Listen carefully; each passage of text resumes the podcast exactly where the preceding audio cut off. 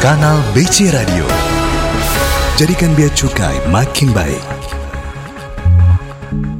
Kanal BC Radio Custom News and Entertainment Station Program Insight ditemani lagi bareng kita nih Bareng saya Cece Dan sama saya Bangki tentunya di sini. Halo Mbak Caca, gimana kabarnya hari ini? Alhamdulillah ini udah mulai-mulai pagi menjelang siang, Siang, tentunya dengan semangat pagi terus tapi ya. Mhm, Di program Insight kali ini ya eh, Ini kan akhir bulan menjelang awal bulan Bener banget. Kita mau ngasih insight nih buat sahabat Buat sahabat BC BC yang yang- mendengarkan program kita hari ini ya Bener banget. Karena hari ini kita spesial banget nih Mbak Caca karena kita Mhm. akan membahas tentang apa ya tema yang cukup menarik juga sih Ya. ya buat sahabat BC di sana yaitu tentang hasil penindakan operasi gembur rokok ilegal tahun 2023-nya Bea Cukai nih. Ih, ada ada kalimat operasinya itu ya. Oh, operasi yang seperti apa nih yang kita Ngeri maksud ini ya? tuh? Oh, bukan apakah yang pakai suntik-suntik? Aduh. nah, karena ngomongin operasi tadi ya, Benar, gitu ya. hmm. Kita bakal bahas nggak cuma berdua aja nih ya. Iya bener banget karena kita sudah kedatangan ahlinya nih. Ahlinya. ahlinya, pakarnya nih kalau masalah ini ya Mbak Caca. Ada siapa sih Mbak Caca? Nah, di program Insight kali ini kita ditemani narasumber kita yang telah hadir di studio kita ada Pak Umar Khayam. Selamat pagi menjelang siang nih Pak. pagi Wih, fresh ya. Apa kabar nih? Ke- kegiatannya gimana Pak? Banyak di kantor? Alhamdulillah sehat banyak di kantor banyak di luar Oh, di luar dan di Di kantor. da- di kantor juga. Dan juga bareng kita udah ini ada Pak Robi juga nih, Mbak Caca nih. Halo Pak Robi, gimana nih kabarnya Pak Robi? Halo, selamat Eh. pagi. Alhamdulillah baik, Mbak. Sekarang sehat. Lembut banget suara Pak Robi nih ya, kayak pengen terbang. Buat ngantuk tidur. Nyaman banget. Ya sahabat BC, kita tadi udah di awal menjelaskan tadi bangkit ya. Hmm. Tema kita hari ini kita mau bahas tentang ada operasi gempur rokok Bener, ilegal bener. ya. Hmm. Jadi beliau-beliau yang telah hadir bersama kita ini bekerja di Direktorat P2 Hmm, ya.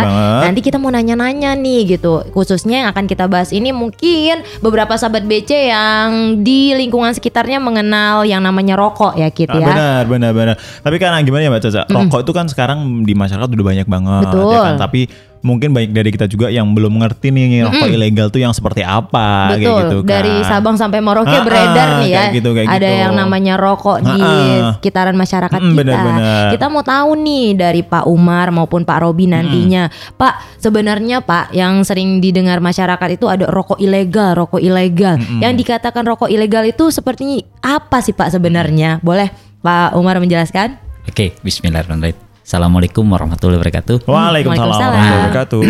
untuk rokok ilegal sebelum saya jelasin Mm-hmm. gimana sih rokok ilegal saya balik tanya dulu nih Ya, boleh Pak. Udah ditanya Kalau- balik nih kita nih. Mbak siapa tadi Mbak Cece. Mbak Cece coba kalau Mbak Cece tahu nggak sih sebetulnya rokok ilegal itu Kalau ilegal kan berarti dia tidak legal ya Pak? boleh boleh betul betul Kalau betul menurut saya itu rokok yang tidak bisa dikonsumsi atau tidak boleh gitu Pak. Kalau sepengetahuan awam saya nih Pak gitu. Kenapa dia nggak bolehnya? Ah, saya- narkotik dong berarti Nah, iya juga ya benar-benar. Mungkin benar nggak sih Pak kalau sama ini saya mikirnya rokok itu kan ada syarat-syarat tertentu untuk Oke. dikatakan legal. Mungkin yang ilegal itu apakah dia tidak memiliki syarat tersebut kayak gitu Pak. Malah nanya balik nih saya. Nah, ya sebetulnya kalau secara awam ya, kalau rokok ilegal itu ya ada beberapa ciri lah. oh ada ciri-cirinya Bener juga Pak. sih, rokoknya ilegal itu yang tidak legal. Memang seperti itu. Jadi kalau orang awam bilang kalau rokok ilegal itu paling simpelnya ada beberapa ciri. Mungkin ada lima lah rokok ilegal itu. Hmm, Oke. Jadi punya ciri-ciri yang bisa ciri kita kenal ya ya Pak. secara kasat mata mungkin Oke. orang awam itu paling bisa lah kita lihat. Oke. Mungkin kalau Mbak Cece secara eh, mungkin kalau di culture kita kan wanita itu kan awam lah untuk merokok atau tabu Ah, lah seperti benar, itu. benar, Tapi eh, ketika nanti suaminya merokok bisa mengingatkan juga Oke. eh, rokok yang legal dan ilegal itu seperti apa. Betul. Benar. Ya, pertama mungkin ya ah, itu polos. Gampang kalau kita ngeliatin rokok polos. Kalau rokok polos itu rokok yang polos yang nggak ada pitanya atau kata orang awam bilang nggak ada selendangnya. Oh, Nah, itu udah pasti ilegal. Oke, Oke. yang selendang kayak ada apa tuh Pak glossy glossy itu? Hologram, hologram. Bukan hologram itu pita cukainya. Oh hologram itu yang dikatakan pita cukainya Bu, Pak. yang jadi hologram itu ada di pita cukai tapi pita secara keseluruhan pita cukainya seperti itu. Hmm, oke oke, baik. Jadi paling gampang ya itu kalau kita lihat rokok kalau nggak ada pitanya Heeh. udah dipastikan polos baik rokok yang lokal maupun yang impor. Nah kalau kita di daerah perbatasan biasanya suka ada tuh yang rokok merek tertentu yang di luar masuk ke tempat kita. Nah Oke. itu dapat dipastikan ilegal kalau nggak ada pitanya karena untuk rokok yang legal yang beredar di Indonesia wajib dilekati pita cukai. Oke. Oh, Baik. Itu tadi ciri yang pertama, Pak. Yang pertama, yang kategori pertama. Yang kedua bekas. Kalau kita lihat rokok ada pita cukainya, tapi kok pitanya nih kotor banget sih, terus bekas sobek atau be- Oke. eh, tidak rapi. Kayak buluk gitu ya, buluk. Pak. Nah, cocok gitu buluk. Kayak jadi ngomongin bangkit kita, Pak. Jangan nunjuk bangkit lah. Otomatis. Jangan nunjuk bangkit lah. Mm-mm. Jadi ya kalau ada seperti itu udah pasti dikategorikan sebagai eh, rokok ilegal juga. Oke. Seperti itu. Ini pengaruhnya nanti saya ceritakan lah Ya. pengaruhnya Oke. rokok ilegal itu seperti apa. Mhm. Yang ketiga apa lagi? Ada pitanya nih, asli, Oke. bagus semua. Tapi kok tidak sesuai peruntukannya. Nah. Misalnya Nah. seperti apa? Kalau masyarakat awam itu lihat kalau pitanya SKT tapi rokoknya untuk SKM. Oke. Nah, jadi kan ada tuh rokok tuh ciri- ciri-cirinya di rokoknya sigaret kretek mesin. Mesin, Nah, oke. oke. Oke. Nah, tapi di pitanya kita lihat SKT. Nah, itu baru tidak sesuai peruntukannya. Oke. Itu juga ilegal juga walaupun pitanya adalah ilegal karena dari situ tuh sedikit eh, bocoran yang merugikan negara juga. Oke. Gitu. Hmm. Tuh yang ketiga ya. Ketiga baik. Oke. Kayak yang keempat salah personalisasi. Nah, tuh, Ciri-cirinya gimana katanya kan? Mm-mm. Eh, Ciri-cirinya kita lihat aja perusahaannya. Belum tentu eh, pita cukai itu kan ada apa? Rokok itu ada ciri-cirinya buatan mana? Mm-mm. PR-nya. Iya, iya, iya. Hmm. Eh, Nah, dari situ nanti kelihatan dicocokkan dengan pita cukainya. Oke. Berbeda kategorinya antara eh, di pita dan di pur- Di di, label di rokoknya Baik, baik, seperti baik. itu. Oke. Itu salah personalisasi. Memang kalau ini agak advance dikit Iya, kita oke. harus tahu ini. Tapi secara ini kan sebetulnya kalau eh, kalau kita ini eh, melihat rokok itu ngelihatnya dari depan huruf depannya aja. Oke. Kalau eh, kalau kodenya ini eh, kemungkinan nggak jauh dari itu gitu, oke. buat pemahaman juga seperti itu. Yang kelima terakhir yang palsu. Nah, yang Nah, palsu. yang palsu ini juga orang awam mungkin agak kesulitan. Oke. Kenapa dari- tuh, Pak, kesulitannya? Ya kalau palsunya bagus banget, Oh, KW-nya bagus. KW-nya bagus banget kayak bahkan ke beda, bedain Dior asli sama Nah. palsu susah kan. Itu dia, Pak, Nah. karena nggak pernah punya juga Nggak kayak pernah Pak. juga, makanya yang kan. aslinya nggak pernah punya. Sama. Seperti itu. Jadi ya Hmm. kalau yang palsu ya memang perlu skill khusus tapi rata-rata Hmm. orang akan memproduksi palsu itu gampang aja sih. Oke. Kalau kita ngelihat uang palsu sama uang asli. Ah, Uang asli kan Oke, kelihatan ha, ha. bagus. Tapi kalau kalau apa eh pita cukai asli kelihatan bagus, tapi kalau yang palsu seperti cetakannya kayak uang mainan. Ah, seperti itu. Jadi secara kasat mata materinya itu juga kelihatan. udah beda ya Nah, Pak ya. Hmm. Ah, ah. Terus juga sebetulnya ada ciri-ciri yang khusus lagi. apa itu, Pak? Eh, rata-rata kalau yang ilegal ini dijualnya di bawah 20 ribu. Oh. Untuk yang yang SKM ya, untuk yang SKM ya, sigaret kretek mesin. Mesin. Murah ya, Pak. Murah. Eh, ada yang 10 ribu sampai 15 ribu biasanya 15 ribu. Nah, Berarti kita nggak boleh tergiur juga nih Pak kalau misalnya Ya, rokok murah tuh agak harus eh, betul, ini kenapa betul. ya murah? Jadi itu kelihatan dari situ. Jadi masyarakat kalau melihat udah curiga nih, harusnya bisa curiga. Mm-mm. Karena apa? Ya ini eh, potensial lossnya buat negara itu hilang banyak juga seperti Oke, itu. Hmm, gitu Mbak. Jadi itu ya ciri-ciri yang tadi ciri-cirinya. dikatakan rokok ilegal Rokok tadi ilegal ya itu Pak. lima itu lagi Baik, itu. baik, baik, baik. Terus selanjutnya nih Pak, kalau tadi kan udah jelasin tentang ciri-ciri rokok ilegal. Padahal kan di Indonesia sih sebenarnya banyak banget jenis rokok yang legal, rokok yang ah macam-macam deh Pak, mereknya, perusahaannya kayak gitu kan. Tapi kenapa masih ada aja sih Pak rokok ilegal tuh yang beredar dan masih aja gitu ada ditemuin di mana-mana kayak gitu. Itu Iya. kenapa gitu? Eh, jangan kan rokok, Oke. Mas. Ya. Eh, ke tadi saya bilang kan Dior aja masih ada yang Oh, palsu. Iya benar. Air Jordan aja masih ada yang palsu kan? Ya Ah, karena iya, apa? iya, benar, karena benar. ada demand sama supply-nya. Nah. Karena ada yang mau beli gitu Oke, oke, kan. oke, oke. Hmm. Ya memang Betul, eh, secara umum sih kalau kita lihat sih ada ada beberapa faktor lah, baik Oke. secara eksternal maupun internal lah. Ya mungkin eh, kalau dari eksternal karena ya kalau bilang Dior mahal kita cari yang murah. Eh. Air Jordan mahal kita cari yang murah Iya. dong. Nah, itu kan ha. supply and demand juga seperti itu. Ya rokok juga seperti itu. Ada karena tarifnya tinggi menjadi mahal. Jadi opsi yang ilegal yang murah seperti itu. Makanya kita butuh pemahaman dari masyarakat terkait kontribusi mereka ketika mereka membeli rokok. Ah, Bukan kita menyarankan untuk mereka merokok karena ini meng- eh, merusak kesehatan lah. Iya. Oke. Tapi kan nggak bisa drastis juga seperti itu. Nah, itulah balik lagi kita perlu mengedukasi masyarakat tentang cukai ini, Hmm. tentang kontribusi cukai buat eh, pembangunan seperti Ya. Oke. itu. Mm-mm.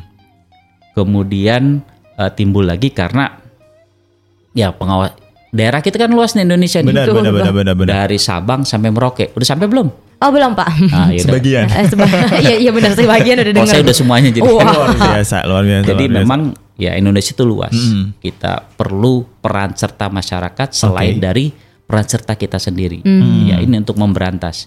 Kita juga mengharapkan masyarakat bisa eh, berkontribusi langsung. Hmm. Oke. Nah, mengedukasi juga seperti itu. Eh, kemudian in- selain itu faktor internal itu balik lagi. Memang kesejahteraan masyarakat kita kan masih ya Iya, maksudnya ada yang, yang rendah ya, lah mm. seperti itu. Tapi Jadi kontribusinya itu ya ketika ada rokok yang supply yang Mm. yang apa eh, murah mereka menjadi option seperti itu. Oke. Karena oke, gini oke. juga mbak ada cerita kalau di mana eh di daerah Sulawesi sana itu rokok itu bukan bukan buat dihisap mbak. Jadi kalau Jadi apa? nelayan-nelayan itu kalau kita mereka nelayan mereka perlu rokok untuk mengusir nyamuk. Oh. Oke. Jadi kan nggak ya. mungkin mereka beli yang mahal-mahal. Iya, Karena kan buat ngebus-bus biar Oh, apa biar biar, nyamuknya asapnya asapnya hilang. mengganggu Oh, nyamuk oke, oke, gitu. seperti Saya kira itu. malah itu obat nyamuk pak di tiup-tiup gitu. agak ngeri ya. Iya iya benar-benar. Ternyata rokok itu manfaatnya selain itu tadi ya banyak. Iya lah. Eh, terus Bisa satu lagi lah mungkin. Apa gitu pak? Hmm, ya inilah banyak yang pengusaha-pengusaha berpikir ya menghalalkan segala cara lah Hmm. untuk mendapatkan keuntungan. Jadi Ya. mereka Oke. ngelihat profit marginnya antara yang ilegal sama ilegal Yang itu legal, hmm. lumayan jauh mbak. Bayangkan saja untuk satu batang rokok yang katakan yang yang Legal deh pak. legal deh ya. antara yang bertarif eh, bertarif dan tidak Hmm. itu selisihnya bisa tujuh ratus rupiah per batang mbak Uh, Oke, per batang ya per per batang. batang antara legal dan Ilegal. ilegal jadi mbak bisa kalikan sendiri satu bungkus mas Dua itu pu- satu satu bungkus 20 itu batang, 16 batang, 20 batang. 20 batang kali 700 berarti kan sekitar 14.000. 14 ribu potensial loss kita per bungkus itu 14 ribu yang palsu ya Hmm, kali berapa nah, Iya. bungkus dia Ada juta selop ya, bungkus. ada yang angkatnya Iya. selop. mereka itu kalau bikin HPP rokok paling 3000 4000 udah selesai Untuk satu, Satu kotak gitu. Satu slop pak. Eh satu Satu bungkus, bungkus. satu Hmm. Ya, Mereka jual ke pasaran paling sepuluh ribu Hmm, seperti itu. Ya jadi marginnya besar sekali seperti itu. Jadi cepet cepetlah keuntungannya. Iya gitu, benar-benar. Mas. Ya semoga uh, sahabat BC ini jadi melek ya Ah, posisi gimana? kontribusinya ke negara itu seperti, Seperti apa, apa, ketika dan- mengkonsumsi rokok tadi. Benar, gitu. benar, benar, benar, benar. Hmm, Pak tadi Pak Umar di awal tadi udah bangkit sih yang ngomong tadi ya ada, ada gempur-gempur rokok tuh Pak boleh nggak Pak sahabat BC pengen tahu gempur rokok ilegal itu boleh diceritain apa sih Pak jenis kegiatan apa sih itu? Gempur rokok ilegal. Sebetulnya ini juga sih. Kita eh, setiap hari juga udah menggempur, cuman memang Hmm. Oke. tematik ya namanya di unit pengawasan. Mm-mm. Ada atau tidak adanya operasi gempur, unit pengawasan tetap melakukan kegiatan eh, pengawasan terkait eh, BKC ilegal. Oke. Hmm. Seperti itu. Jadi eh, jangan dianggap wah sekarang lagi operasi gempur. Oke. lagi giat-giat enggak juga ya tetap Hmm. aja sama semua eh, perlakuannya. Memang ketika operasi gempur intensitas kita agak ditinggikan seperti itu. Oke, setiap harinya digempur juga ya Pak. Nah, Nggak setiap hari juga tetap sama seperti yang disampaikan Pak Dirjen ketika rapat.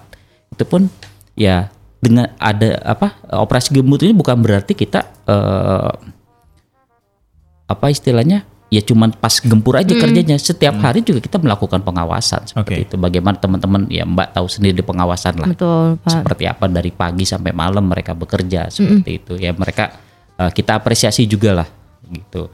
Nah operasi gempur sendiri sebetulnya sudah lama mbak di apa eh, dilakukan lah. Hmm, Memang namanya berubah-berubah Oke. seperti Oke. itu.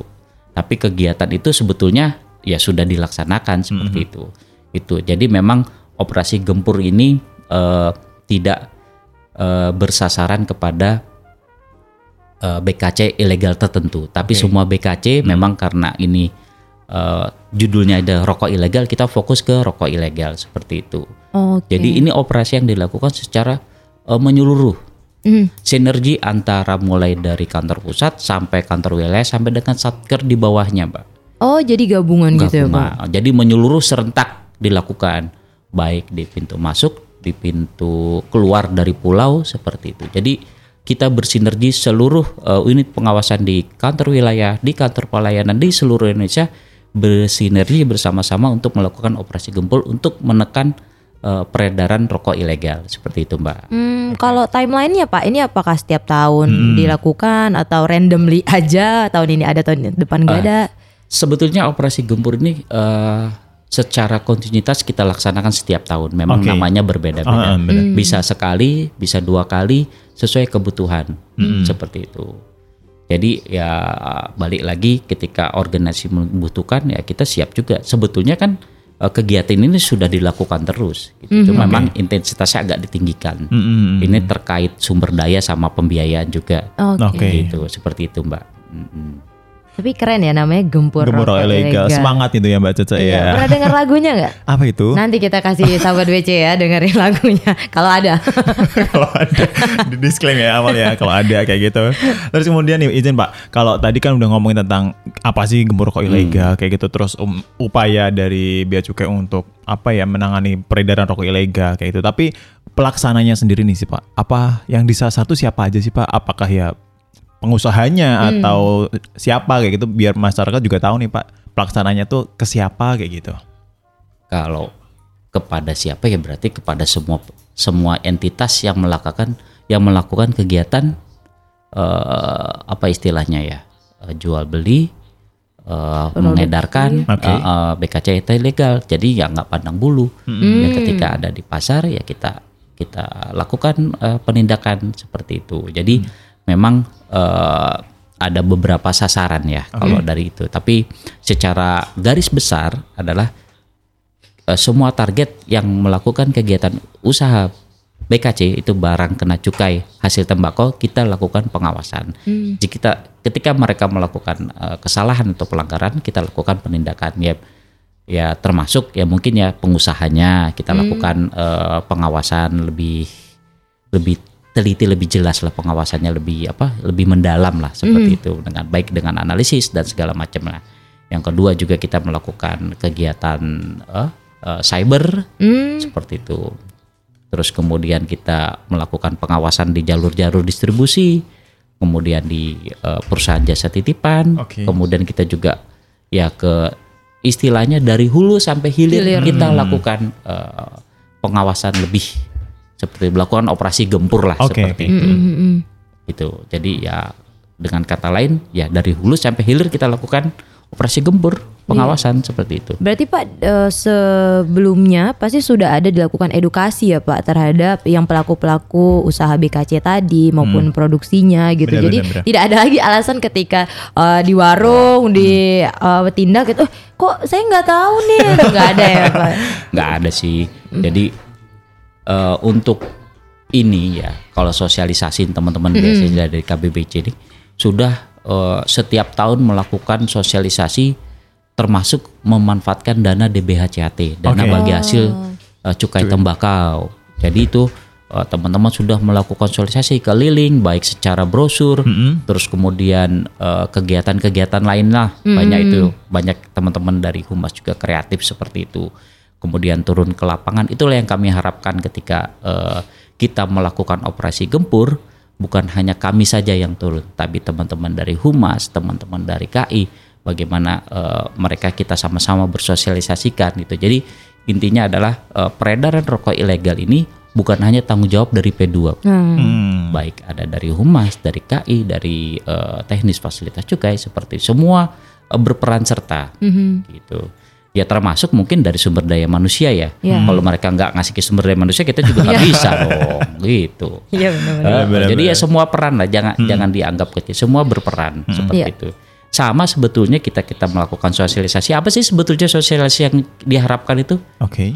Sebetulnya sosialisasi itu kita eh, mengharapkan bukan lagi kita sebagai tumpuan, tapi mereka memberikan feedback kepada kita. Om benar ya benar kan? Eh, jadi bagaimana nanti masyarakat, Pak, di sini jualan rokok Oh, polosnya oke. banyak. Ah. Ah, Sebetulnya sosialisasi tujuan itu seperti itu, bukan tujuannya itu ah udah saya nggak pakai rokok ini karena ini enggak. Tapi bagaimana kita bisa menyampaikan mereka memberikan feedback informasi kepada Oke, kita, kepada aparat, kepada petugas. Bagaimana nanti mereka Pak itu jualan rokok keliling polosan tuh Pak naik oke, motor atau Pak di sini saya tahu ada gudangnya. gitu. Hmm, Itu yang kita harapkan. Sama juga seperti aparat eh, Pemda lah ya ke- memanfaatkan DBHCT. Bagaimana mereka merasakan manfaat DBHCT itu terus memberikan feedback balik kepada kita Ya. seperti itu. Bagaimana mereka memberikan masukan kepada Pak, di sini udah kita clearkan daerah sini tidak ada pemasaran Oke, lagi. mm. Di daerah sini masih banyak Pak. Mereka memberikan informasi kepada kita baik secara apa lisan ataupun secara aplikasi karena kita sudah apa eh, memberikan provide suatu apa istilahnya aplikasi untuk pelaporan rokok ilegal seperti itu. Si Rolex lah seperti itu. Eh, jadi itu yang diharapkan dari sosialisasi itu seperti itu Pak. Mm, Baik, baik. Oke. Mungkin ini agak aku penasaran nih Mbak Ca ya. Tapi dalam pelaksanaan gembor rokok ilegal kan tentunya langsung terjun ke lapangan nih Pak. Hmm. Terus tentunya teman-teman di pengawasan ya kan bertemu berbagai macam orang nih baga- banyak banget nih orang-orang di Hmm. Lapangan sana karakternya kayak gitu. Tapi pernah nggak sih Pak nemuin apa ya penolakan kayak gitu? Terus apa risiko-risiko gitu di lapangan pernah nemuin nggak sih Pak? eh sebetulnya semua eh, yang disebutkan itu ditemukan. Hmm. Tapi dalam rangka tour of duty sih teman-teman selalu perform lah seperti Hmm. itu. Jadi eh, alhamdulillah selama ini eh, bisa lancar komunikasi. Benar-benar. Hmm, Seperti kooperatif itu. juga ya. Kooperatif juga. Apa ya? Karena kewenangan dari terkait pengawasan ini kan ada di kita. Hmm. Bagaimana kita mengawasi berdasarkan kita udah disuruh undang-undang nih untuk Oke. betul nggak untuk mengawasi rokok ilegal ini atau BKCHT ini. Nah itu teman-teman di lapangan selalu firm seperti itu. Oke oke oke. Baik ke perusahaan jasa titipan, bagaimana mereka bisa eh, komunikatif, koordinatif untuk eh, lakukan pemeriksaan seperti itu. Kayaknya Bangkit gak hanya penasaran Pak pengen ikut kayaknya Pak. Nanti Boleh, kali, Pak. boleh, boleh. Perlu diapresiasi ya Mbak Caca ya Iya. teman-teman di pengawasan udah apa ya turun ke lapangan dengan berbagai risikonya kayak gitu kan. Itu kan perlu diapresiasi banget tuh ya kan. Benar, kayak benar, luar benar. biasa Oke. kayak gitu. Ngomongin apresiasi kita tanya juga nih ya ke Pak Umar tentang kinerja nih Pak. Ngomongin kinerja program-program yang telah dilakukan khususnya untuk operasi gempur Hmm. ini ya Pak. Gimana nih Pak di tahun ini maupun tahun-tahun sebelumnya gitu Pak? Kalau kinerja, yang pasti sih kalau kinerja dari tahun ke tahun alhamdulillah naik ya. Wih. Bagaimana Luar biasa. eh, feedback dari gempur ini bisa eh, apa istilahnya eh, menaikkan indikator-indikator risiko Hmm. penerimaan gitu loh. Ini juga barusan dikasih WA nih. Oh, ini lupa. Biar detailnya dapat. Kalau secara global saya pastikan eh, ada beberapa dampak dari eh, gempur ya. Eh, bagaimana eh, peredaran rokok ilegal berkurang dan konsumsi yang terutama yang legal itu naik. Itu juga udah banyak diapresiasi oleh eh, stakeholder-stakeholder baik ketika Pak Dirjen ketemu dengan Europe EU kemarin Pak eh, lupa saya. Jadi diapresiasi oh ini Oke. Pak bagus gempur Pak peningkatan penjualan kami itu disampaikan langsung kepada Pak Dirjen seperti itu. Uh, dan selain itu juga disampaikan kepada teman-teman dari KPBC bagaimana uh, pengusaha yang legal itu uh, istilahnya penjualan mereka naik, otomatis penerimaan kita juga naik seperti Oke. itu. Uh, dan ini juga udah di appreciate lah sama teman-teman semua seperti itu. Jadi ya intinya adalah seperti itulah. Bagaimana gempur itu bisa menekan. Nah jangan sampai nanti juga eh, rokok apa istilahnya kita jangan sampai nanti ro- eh, pengusaha yang ilegal justru makin berkembang. Justru kita bagaimana mengembangkan pengusaha-pengusaha yang legal ini.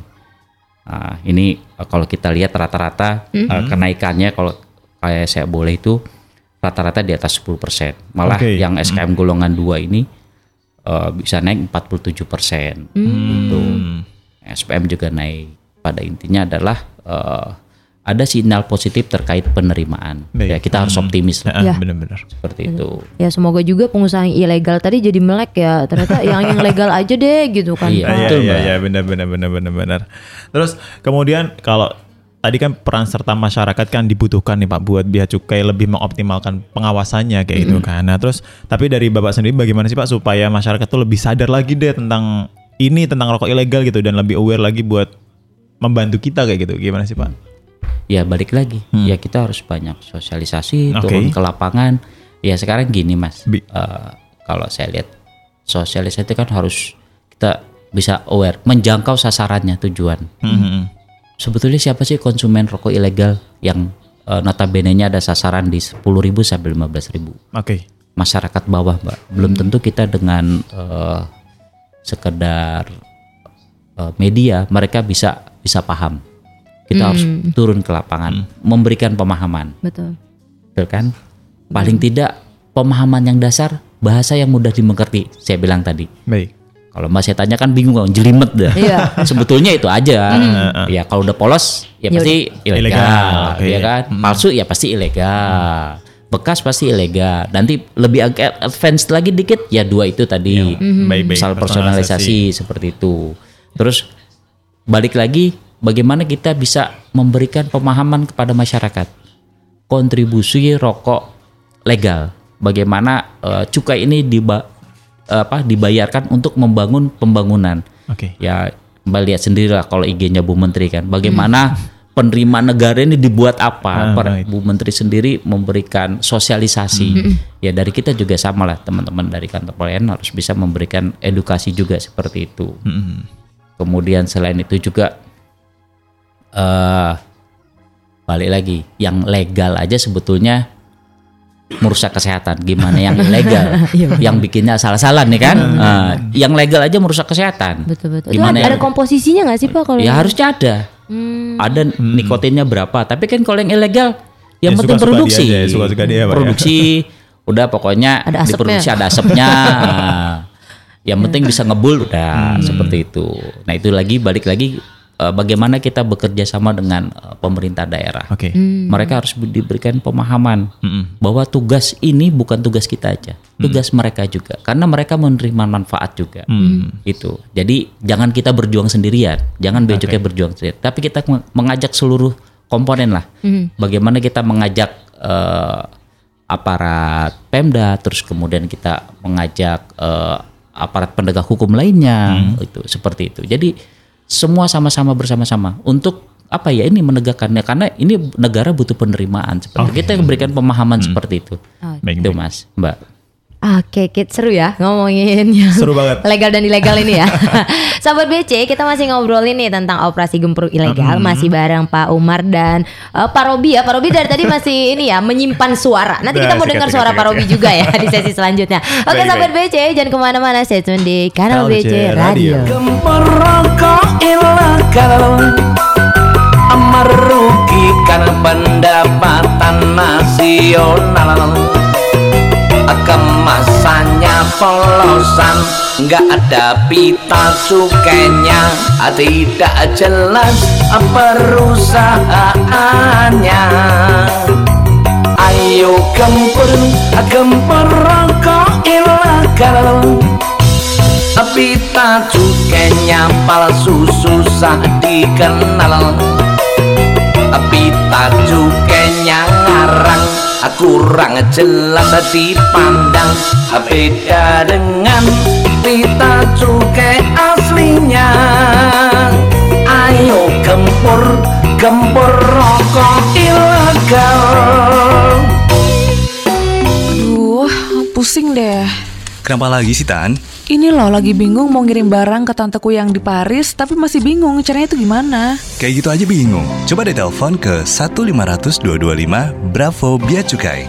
Bravo Bea Cukai. Iya, Bravo Bea Cukai itu adalah kontak senternya Bea dan Cukai yang merupakan pusat layanan penerimaan dan penyampaian informasi serta penerimaan pengaduan di bidang kepabeanan dan cukai dari dan atau kepada pengguna layanan dan merupakan saluran komunikasi antara Direktorat Jenderal Bea dan Cukai dengan pengguna layanan atau single point of contact. Oh iya sih Dan, tapi Udah deh, nggak usah pusing lagi Tan. Di sana itu kamu bisa nanya apa aja yang berhubungan dengan impor, ekspor, dan ketentuan tentang kepabeanan dan cukai. Semuanya gratis. tapi Dan, tanteku tuh bukan di Paris Eropa. Tanteku itu di perapatan Ciamis. Nah, motorku lagi dipakai sama adikku, jadi pusing deh. Ya elah.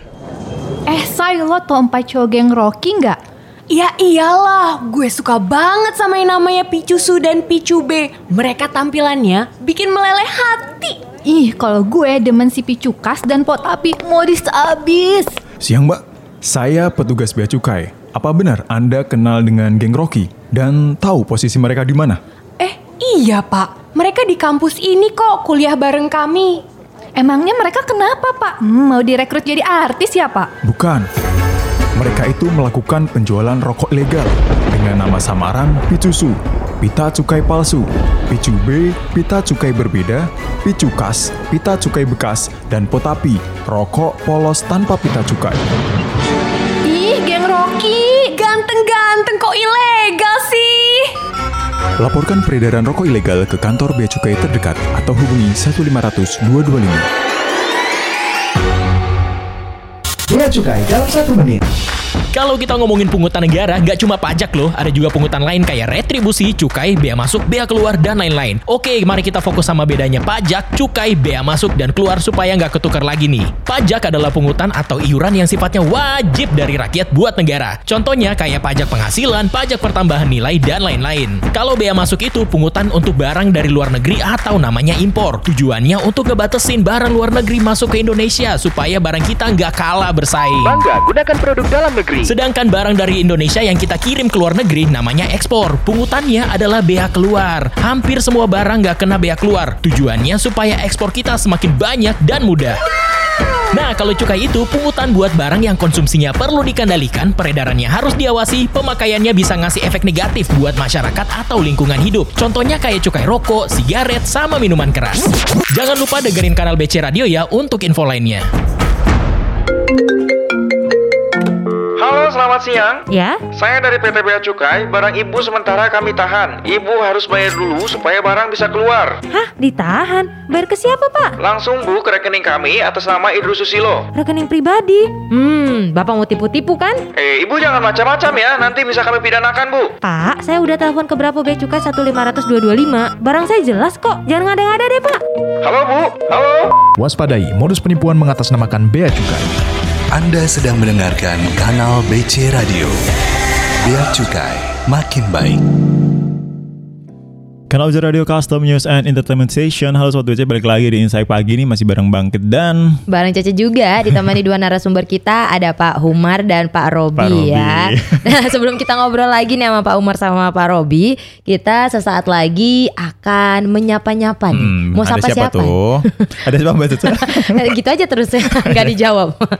Jadi kita mau sapa ada Pak, Pak- ya Pak Yodi. Pak Yodi dari kantor dari Bea Cukai kantor Bea Cukai Banjarmasin. Banjarmasin. Wih jauh ini ya. Lumayan jauh Lumayan jauh Halo selamat siang Pak, Ro- Pak Yudi Pak Yodi Sudah terhubung bersama kita. Selamat siang. Ah, Selamat siang, Mbak. halo Selamat Pak siang, Yodi. Siap Sehat Pak Yodi. Alhamdulillah sehat. Wih, dari suaranya nih si- di sana jam berapa Pak? Sama ya Pak? Di sini jam 12.15. Oh, Waktu selisih, sudah waktunya selisih. istirahat sih. Ah sudah, iya Pas iya. pas pas pas Nah, Pak Yodi, kita mau ngasih tahu nih Pak Yodi, di sini bareng Halo. kita ada. Halo, mohon maaf agak terputus. Oh iya siap. Halo Pak, Halo, Pak masih Yodi. Masih kedengaran? Oh berarti bener dia di Banjarmasin. Bener ya, agak, udah. agak Terkom- terputus-putus. Terkonfirmasi ya Pak. Terkonfirmasi. Benar. Pak Yodi, Halo, Pak Yodi. eh, sekarang nih di studio kita udah ada Pak Umar juga nih, Hmm. Pak Yodi. Pak Yodi boleh nih sapa-sapa Pak Umar pernah bekerja sama dulu Pak? Oh, dengan Pak Umar Khayyam ya? Betul Benar, wah. Bener Pak Umar. Gimana Pak Yodi? Gimana kabarnya? Assalamualaikum warahmatullahi wabarakatuh. Alhamdulillah. Alhamdulillah. Waalaikumsalam warahmatullahi wabarakatuh. Lama nggak sua. Ya. Lama nggak bertua. Dulu pernah sekamar dengan Pak Umar waktu di Klat Pak Umar. Oh iya. Oh, pernah ada cerita ya? Itu diklat tadi ya Pak. Pak Yodi, eh, boleh cerita dikit nih Pak Yodi di Banjarmasin. eh, Gimana sih pelaksanaan Iya, Pak. rokok ilegal ya di sana Iya. gitu ya Mbak Caya Gimana sih Pak Yodi di Banjarmasin Pak Yodi? Ya. Eh, terima kasih. Kami coba sampaikan sekilas bahwa terkait dengan kegiatan operasi gempur yang dilaksanakan eh, periode 15 Mei sampai dengan 1 Juli 2003 kemarin, Mhm. kami total berhasil melakukan penindakan sebanyak 52 kali dan Hmm. kami juga kemarin kebetulan juga disupport sama teman-teman dari P2 pusat Hmm. sehingga hasil yang kami peroleh juga cukup positif seperti itu. Oke. hmm. Dari dari penindakan yang kami lakukan kebetulan ada beberapa yang karena juga ada yang bersama dengan Kanwil Kalbaksel juga ada beberapa yang lanjut ke penyidikan, beberapa Oh, iya, ada yang iya. juga eh, dilakukan pengenaan denda eh, terkait dengan ultimum remedium juga ada seperti itu. Hmm, baik. Selama melakukan operasi tersebut ada challenge-nya nggak sih Pak yang boleh di di-share Banjarmasin nih ya, di Banjarmasin tuh? apa sih uh, challenge yang di sana yang diterima apa yang dihadapi sama teman-teman di Karena bangkit Banjarmasin? ke trigger tuh Pak, pengen nyoba katanya. Aduh. Siap, siap, siap. Kalau eh, tantangan utama kami adalah eh, karena sebaran ya, sebaran kalau Bea Cukai Banjarmasin kebetulan eh, membawahi hampir eh, 11 kabupaten, jadi Baik, paling utara itu di Tanjung berbatasan dengan Kalimantan Timur. Dan sebaran ini yang juga menjadi tantangan tersendiri buat kami karena jaraknya juga jaraknya umpama kami mendapatkan informasi jarak respon kami ke hotspotnya gitu juga cukup menyita waktu sehingga mungkin nanti terkadang tidak sepenuhnya membuahkan hasil seperti itu. Itu tantangan pertama mengenai cakupan wilayah. Tantangan kedua pergeseran modus sebenarnya persebaran rokok ilegal ini di kami di bulan-bulan terakhir ini sudah mulai bergeser. Dia bergeser menjadi dikirim melalui PJT dan memanfaatkan marketplace seperti Hmm, itu. oke. Ini juga menjadi tantangan tersendiri juga buat kami. Iya. Iya. Oke, terima kasih nih Pak Yodi udah mau sharing ya Hmm. sama sahabat BC di program Ya. Insight kali ini. Semoga operasi di sana makin apa ya makin optimal lagi ya Mbak Caca ya Benar. ke depannya kayak gitu. Salam juga nih Pak Yodi buat teman-teman di sana yang bertugas semoga Nah. tetap sehat dan makin semangat. Dan jangan lupa dengerin kanal Bicara Radio. Iya. Ajak dengerin juga. Oke. Pak Yodi makasih sekali lagi nih Pak Yodi. Terima kasih, Pak Selamat Yodi. melanjutkan aktivitas. Aktivitasnya. Sama-sama, terima kasih kembali. Assalamualaikum Pak Yodi. Nah, kita abis dari Pak Yodi balik lagi ke Pak Umar sama Pak Robi juga nih ya. Ya, udah nggak sabar nih kayaknya. Sahabat BC ini kayaknya eh, ini ya, maksudnya ini bener gak sih ada Pak Robi di Bener, studio bener, ini bener, gitu bener, ya? bener, bener, ada ya sahabat BC ada. Kita pastikan ada di samping Pak Umar ada Pak Robi. Cuman masih menyimpan suara emasnya. Nanti ya Bagian kita. nyanyi nanti. Bagian Ah, nyanyi, betul bagian Pak. nyanyi. Yang tadi nyanyi Didi Kempot tadi nggak? Oke, Pak, ini ada pertanyaan dari sahabat BC, Pak. Ah, boleh boleh, kita boleh. tanyain ya, Pak? Jadi eh, ada pertanyaan ter- pertama nih Pak. Terkait ini, kalau penindakan terus berbenturan dengan in- apa ya, protek pihak lain tuh gimana sih Pak? Kelanjutannya gimana Dari gitu? Anindita ya? Heeh. Jadi setiap uh, duty, tour of duty memang ada segala resikonya, baik benturan kepentingan. Tapi Hmm. uh, kami ya, terutama dari teman-teman pengawasan, uh, kami juga sudah dibekali ya. Dibekalinya itu apa sih, gitu kan? Hmm. Sebetulnya kami nih dari pengawasan, terutama dari direktorat ya, Hmm. uh, direktorat jenderal, kita udah banyak PKS PKS perjanjian kerjasama. Oke, Jadi ah, perjanjian kerjasama. ketika ada benturan kepentingan, kita bisa mengeskalasi kepada unit pimpinan Hmm, seperti hmm, itu. Jadi uh, yang bicara lagi adalah institusi antara Bea Cukai Kementerian Keuangan dengan uh, pihak yang berbenturan kepentingan. Jadi bukan Oke, bicara lagi kita ini. Hmm. Alhamdulillah sih eh, selama ini eh, lancar-lancar saja karena kita juga kita sebutkan tuh banyak lah PKS kita mulai dari eh, PKS dengan TNI AD, Oke. kemudian eh, Jamintel, Jampitsus, kemudian juga dengan Pol Airut, terus kemudian eh, kerjasama juga sama PLN, Hmm. kemudian bersama Pemda dengan memanfaatkan DB, DBHCT dan pun sekarang kita sudah bersinergi bersama-sama dengan Direktorat Jenderal Pajak Oke. untuk eh, mengadakan joint analisis seperti itu, Pak. Hmm, berarti Jadi- memang posisinya kita tidak bekerja sendiri ya, Pak. Ya, kita bersinergi dengan makanya saya dari awal ini bukan tanggung jawab kita kita sendiri lah, bukan tanggung jawab kita, tapi seluruh masyarakat, seluruh komponen seperti itu. Baik baik. Itu Ini, tadi Pak, semoga terjawab melanjutkan, ya. melanjutkan Ah. perjalanan perjalanan. Perjalanan ini capek dong kita jalan dari tadi ya. Pertanyaan barusan nih Mbak Caca. Aha. Tapi apakah dalam pelaksanaan operasi gembor rokok ilegal atau operasi-operasi yang lain nih Pak terkait pe- apa ya peredaran rokok ilegal atau BKC ilegal itu juga bekerja sama dengan pihak-pihak lain itu juga nggak sih Pak? Atau emang dalam PKS-nya aja nih tapi pelaksanaan di lapangan sendiri-sendiri kayak gitu? Ah, itu juga kita libatkan semua. Ketika kita eh, melakukan kegiatan, kita juga uh, siogianya ya ketika kita perlu bantuan, karena nggak mungkin kita melakukan sendiri. Hmm. Tapi memang kadang operasi itu tertutup dan terbuka Hmm, seperti baik, itu. baik.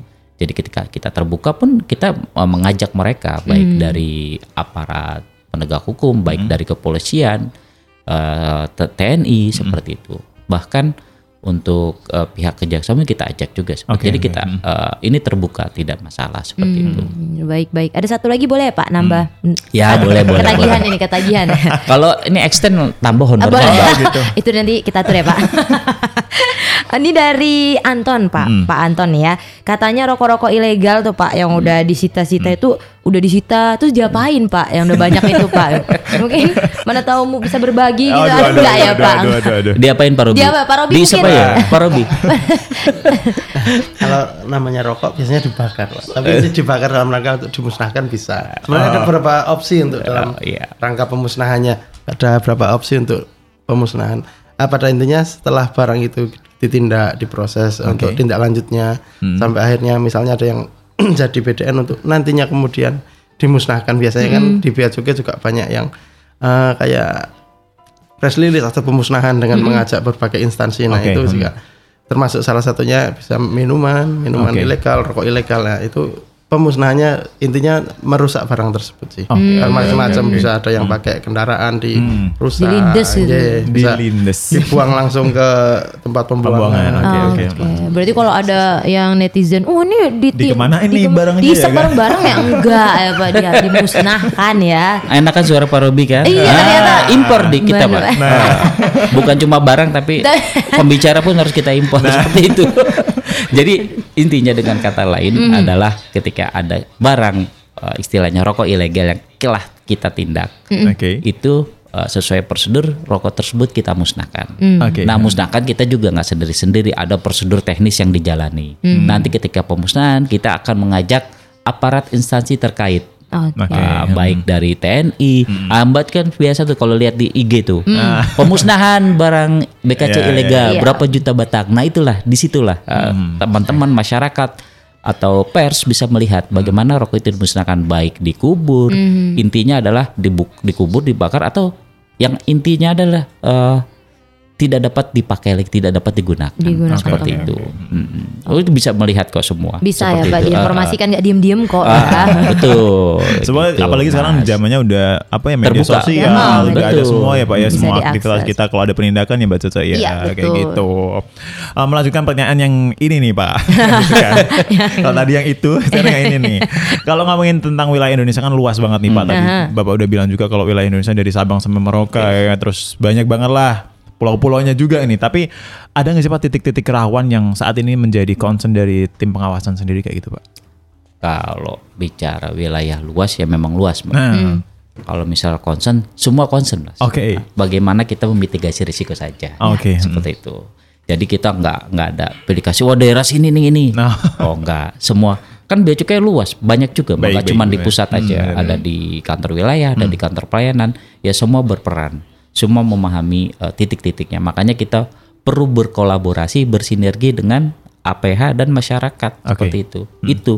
Jadi nggak kita aja sendirian ya. Kalau kita sendirian bonyok. Iya. Iya juga. Eh, nggak cukup juga. Kita jejerin pegawai dari Sabang sampai ini juga nggak nggak bakal ada, nggak bakal nyampe seperti itu. Jadi udah tahu bangkit ya. Gimana tadi? Tempat-tempat tempat-tempatnya tadi ya. Oke, tadi semuanya Siap-siap ya Mas ya. Ya. ready Pak, bangkit ready Iya, ditempatkan di mana iya, saja. betul. Wih, wih, wih, agak merinding nih ya jadi. Pak, kalau ngomongin punishment ya Pak, tadi kan Hmm. kita lihat beberapa pelanggaran, Bapak udah jelasin ilegal itu seperti apa, terus memproduksinya secara ilegal maupun memasarkannya. Ada nggak Pak eh, punishment yang bisa dirasakan untuk pelaku rokok ilegal Hmm. tadi itu Pak? Kalau punishment itu pasti ada. Hmm. Oke. Di mana kalau dalam undang-undang kalau melanggar hukum pasti dihukum. Ya. Bisa hukum pidana, bisa hukum denda. Oh, Nah, oke. itu. Dan ada yang tidak bisa diganti dengan hukum pidana, eh hukum denda. Jadi hukum penjara istilahnya Oh. seperti itu. Jadi kalau ada beberapa pasal itu ya hukum penjara. Nah, ada beberapa pasal yang bisa diganti dengan eh, hukum denda seperti itu. Jadi intinya adalah seperti itu. Setiap pelanggaran yang Hmm. melanggar undang-undang pasti ada sanksi hukumnya. Baik bisa pidana badan Hmm. atau pidana denda. Atau dua-duanya. Seperti itu. Hmm, Jadi ya kalau ngelanggar makanya kita mengedukasi masyarakat nih yang jual-jual terutama ya. Oke. Hmm. Janganlah jual rokok ilegal. Hmm. Karena sanksinya udah jelas. Kalau melanggar undang-undang ya dihukum. Oke. Ya bisa pidana denda, ya bisa pidana apa? eh, badan. Hmm. Seperti itu. Berarti yang dihukum tuh bisa dari penjualnya, Iya. Yang memproduksinya, Yes. yang Uh, mengangkutnya juga pak. Ya betul. Walaupun uh, ada mungkin beberapa alasan saya nggak tahu nih, ternyata di Iya, box iya, yang saya dibawa itu rokok uh, ilegal. rokok itu kan nanti kan bisa pengembangan pak. Apakah dia benar terlibat atau tidak? Oh Seperti gitu, iya benar. Iya juga ya, saya terlalu polos pak, percaya Aduh, aduh, percaya aduh, aja aduh. lagi ya. Tadi waktu Tapi nggak percaya sama itu gitu. kan? sama siapa nih? sama bang. Nggak gampang percaya sama cowok yang penting itu. Iya, Aduh, aduh, aduh, aduh. sama driver truk. Iya ya. Oke oke. Berarti tadi kalau ngomongin sanksi berarti tetap ada pidana juga Pak ya, Iya. tetap ada Hmm. pidana juga, ada denda juga kayak Iya. gitu. Dan ini juga harus buat sahabat BJ juga ngerti nih bahwa ada risiko nih kalau sampai ada yang meng- mengedarkan atau Iya. atau apa ya menjual rokok ilegal kayak Iya. gitu kan. Ancamannya cukup mengerikan gitu. Jadi jangan sampai Jangan coba-coba. kayak gitu. Nah, terus eh, selanjutnya nih Pak terkait eh, upaya kita nih eh, selain penindakan kan tentunya ada berbagai upaya lainnya nih untuk menekan peredaran rokok ilegal. Ah, Terus gimana sih Pak sampai saat ini langkah-langkah dari Bea Cukai sendiri? Nah, balik lagi tadi seperti saya sampaikan, Hmm. ya selain penindakan, ya balik lagi kita melakukan edukasi ya Mbak. Hmm, ya inilah benar, peran, benar, benar, peran-peran teman-teman dari humas lah. Baik, baik, Bagaimana bisa mengedukasi rokok-rokok yang legal seperti apa, Hmm. yang ilegal seperti apa. Ini peran-peran teman-teman dari humas lah. Baik. Kemudian eh, kita juga perlu penegakan hukum yang konsisten. Hmm. Karena apa? Karena biar memberikan deterrent efek gitu loh. Hmm. Nggak cuma sekali ya kayak gempur nih saya bilang. Ah, besok kata orang-orang nih. Ah, sekarang kan gempur. Ah, besok aja lah Iya. saya ngedarinya. Itu salah. Ya kita juga saya bilang, itu bukan berarti kita itu tidur selama ini. Kita Oke. tetap melakukan kegiatan. Memang ketika pada saat momen tertentu kita namakan samalah seperti eh, teman-teman dari eh, instansi lain lagi operasi zebra Ya. Oke. gitu kan bukan berarti nggak ada operasi mereka nggak ini melakukan penindakan ya Iya. tetap juga gitu Bener, kalau salah ditilang gitu kan Iya betul. seperti itu Iya. gitu Berarti awarenessnya tadi harus Iya. ditingkatkan Benar, lagi ya, benar, Kit, benar, ya. benar. Nah Pak kalau misalnya tadi Bapak kan udah bilang kita juga membutuhkan feedback dari Iya. sosialisasi yang Ha-ha, kita berikan dari kepada masyarakat. masyarakat. Ketika di lapangan nih Pak, masyarakat menemukan, eh ada ini nih mau Rokok ilegal melaporkan nih. rokok ilegal Ah, nih, yes. itu boleh dilaporkan ke mana Pak? yang pasti jangan dilaporkan ke pemadam kebakaran Itu betul Pak. Takut disiram. kan? karena ada rokok biar nggak nyala terus kan disiram Salah ngubungi. sebetulnya teman-teman dari kantor pelayanan baik dari humas itu memberikan saluran-saluran hotline ya Hmm. Oke. hmm. bisa secara langsung ah, kadang juga ada teman-teman kita tertutup juga bisa disampaikan kadang-kadang Hmm. masyarakat itu sebetulnya adalah seperti kalau nggak salah saya pernah dengar dengar humas ada slogan humas. Tiap pegawai becukai adalah humas. Iya. Ya. ah itulah. Kalau tetangganya udah ada orang becukai ya sampaikan ke becukai sama saja seperti Oke, itu. Eh, ya atau dengan eh, secara formalnya mungkin ya bisa disampaikan ke call centernya kita ya. Di 150025 atau baik email ataupun lewat Sipuma pun gak ada masalah Oh boleh. Wah, Pak. tetap kita feedback karena selama ini juga kita dapat laporan dari si Pupa, Pak di sini ada peredaran rokok ilegal. Ya kita tindak lanjuti kita lakukan gitu kan. di wilayah mana pun. Karena kantor kita kan bukan cuma di Jakarta. Benar, Ya. benar, benar, benar, benar, Gitu. benar. Ba- Banyak saluran sekarang. Jangan gitu. Di di direct message ke IG pun direspon kan Iya, sebenarnya. iya, iya, benar, benar, benar, benar. benar. Sekarang kan lebih cepat juga. Baik, baik, baik, baik, baik. Ada tahu ya Kit ngubunginnya tadi. jangan ke jangan ke pemadam kebakaran ya juga. Ya ya ya ya ya ya ya ya. Oke di bagian terakhir ini ya kita sudah mau di penghujung obrolan ya sahabat Hmm, BC ya benar, benar. nggak berasa nih kita Satu jam bareng ya, udah nggak kerasa udah Iya hampir bareng satu sama jam Pak ya. Umar bareng sama Pak Robi dari tadi ngobrol sama kita ya Pak Sampai satu jam lagi Aktif banget. Aktif banget Pak Robi ya Mungkin mau sesi selanjutnya kali ya Pak Iya, Pak Robi boleh, ya boleh. sendiri Iya, nanti iya, ya iya, Pak Boleh ya Pak Lain kali boleh. Boleh ya Pak Nanti kita impor lagi Oh. Ya. Bener-bener Katanya suara sim suaranya masih disimpan ya Pak Disimpan. Baik Pak, izin untuk menutup sebelum menutup uh, sesi kali ini nih Pak atau acara kali ini uh, sedikit dong Pak closing statement dari Pak Umar buat sahabat Oke. BC dan buat kita juga ya Mbak Caca ya kayak gitu. Oke, eh, saya sampaikan di sini mungkin ada beberapa lah.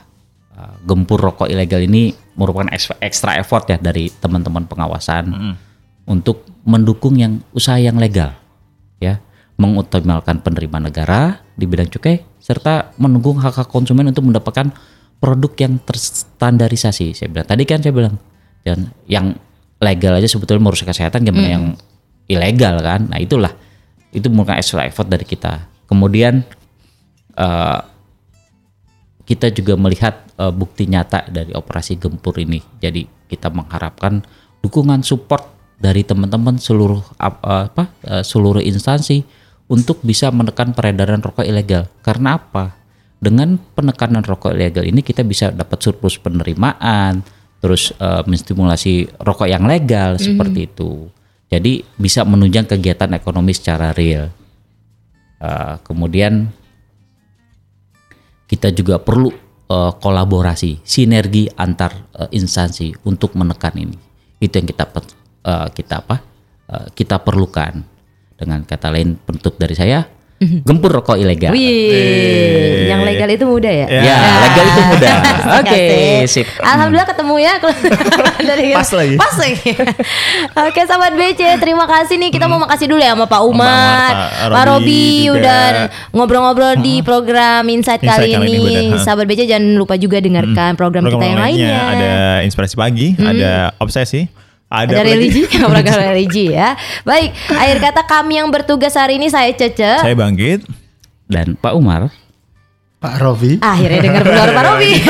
Pamit undur diri dari ruang Ruang dengar. Radio. Terima kasih. Selamat melanjutkan aktivitas. Bye bye.